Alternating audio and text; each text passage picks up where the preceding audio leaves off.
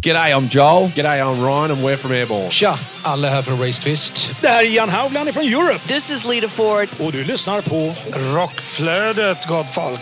Världens bästa podd. Yeah, baby! Välkommen till Rockflödet, en podd för dig som vill ha full koll på det senaste inom rockvärlden. Utöver nyheter dyker det upp heta intervjuer och tunga tips om aktuella band. Ni lyssnar på mig, Jonas Löv från podcasten Rockdudes och online-tidningen Rockbladet.se och dig. Johannes Timander. Och denna podcast den görs genom Flick Agency.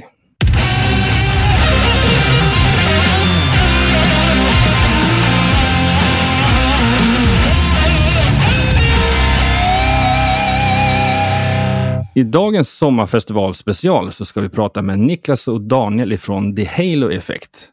Och vi ska såklart fokusera på deras favoritfestivalminnen. Ja, vanligtvis så är det här en eh, podd med rocknyheter, men nu under sommaren så blir det lite sommarspecial helt enkelt. Ja, precis. Jag och Corey var ju på Sweden Rock här och där träffade vi ett gäng band. Allt i sin helhet kan ni ta del av om ni tittar tillbaka i katalogen och lyssnar på de här Sweden Rock specialavsnitten. Men i den här sommarspecialen, då ska vi faktiskt fokusera på de här bandens sommarfestivalminnen. Det är väl eh, lite så här godbitar som inte lyssnarna har fått höra än. Nej, precis. Vi hade ju faktiskt en eh, liten så festivalfråga som vi hade till eh, varje gäst och inte fått höra. Så att, ja, håll till godo. Ja, det här var ju ett av de sista intervjuerna vi gjorde under Sweden Rock, när vi träffade Niklas och eh, Daniel. Eh, och det var ett himla halabaloo för dem när det gäller hela deras PR-grej. För att ja, det är inte vilket band som helst, The Halo Effect. Alla har ett en sak gemensamt. Alla har spelat In Flames någon gång i sitt liv. Niklas är väl den som typ senast har hoppat av bandet eh, ifrån de så kallade forna medlemmarna.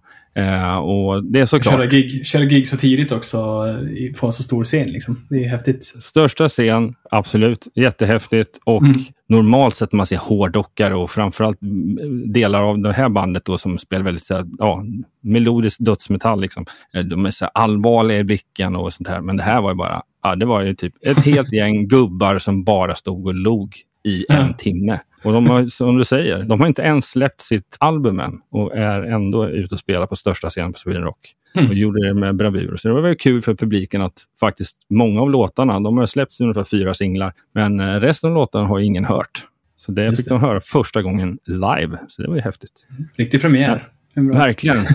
Men eh, Niklas och Daniel, de hade ju såklart eh, festivalminnen att titta tillbaka på. Så att vi tar... varit på, var, varit på en och annan festival kan jag tänka, tänka mig. Ja, verkligen. Alltså, de har nog tappat räkningen för länge sedan hur många festivalspelningar de har gjort.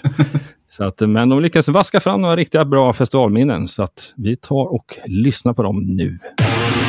Eller hur? Niklas står och bara gapar. Men det, det är liksom många minnen. Och eh, det spelar ingen roll om det är festival eller klubbspelningar eller vad det kan vara. Så är det liksom... Det är frågan om eh, energin, det är frågan om eh, bandet ger och, publiken ger tillbaka. Ja. Och då blir det ju en fantastisk... Eh, eh, ett grymt känsla. gig. Ja, liksom, det. För att bägge parter måste ju vara med på Ja. det här. Liksom.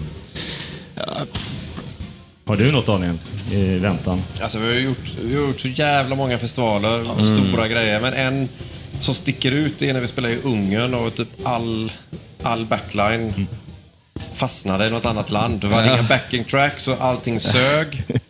Och vi skulle headlina och bara, nej, vi, vi får göra om setlistan helt. Ja. Så då fick vi sitta på knäna och repa in liksom sju låtar från Horacle-plattan. Ja. eh, Och, liksom, och, då, och så vi löste det.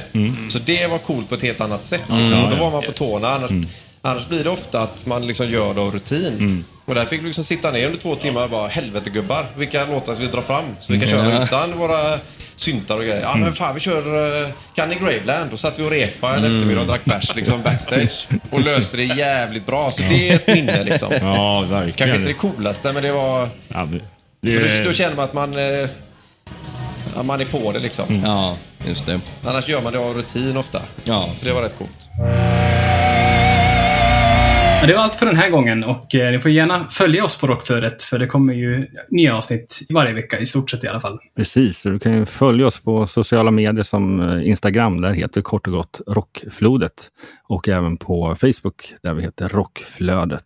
Och glöm inte bort i poddapparna, där finns det ju en ringklocka numera så att eh, se till att kryssa i den för Rockflödet så missar du inte nästa avsnitt. Det är trevligt så man kommer ihåg att få rockflödet i sitt flöde. Exakt. Du får rock i flödet helt enkelt. Precis.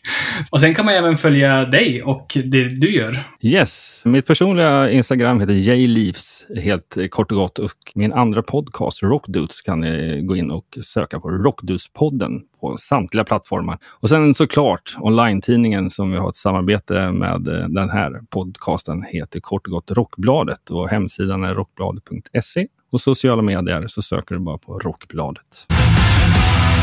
Rockflödets jingel är skapad av Jens Werner, känd från Veritas och Save the Noise. Avsnittet är redigerat av Daniel De Pierre och Rockflödet produceras av Flick Agency i samarbete med Hårdrock för fan och Rockbladet.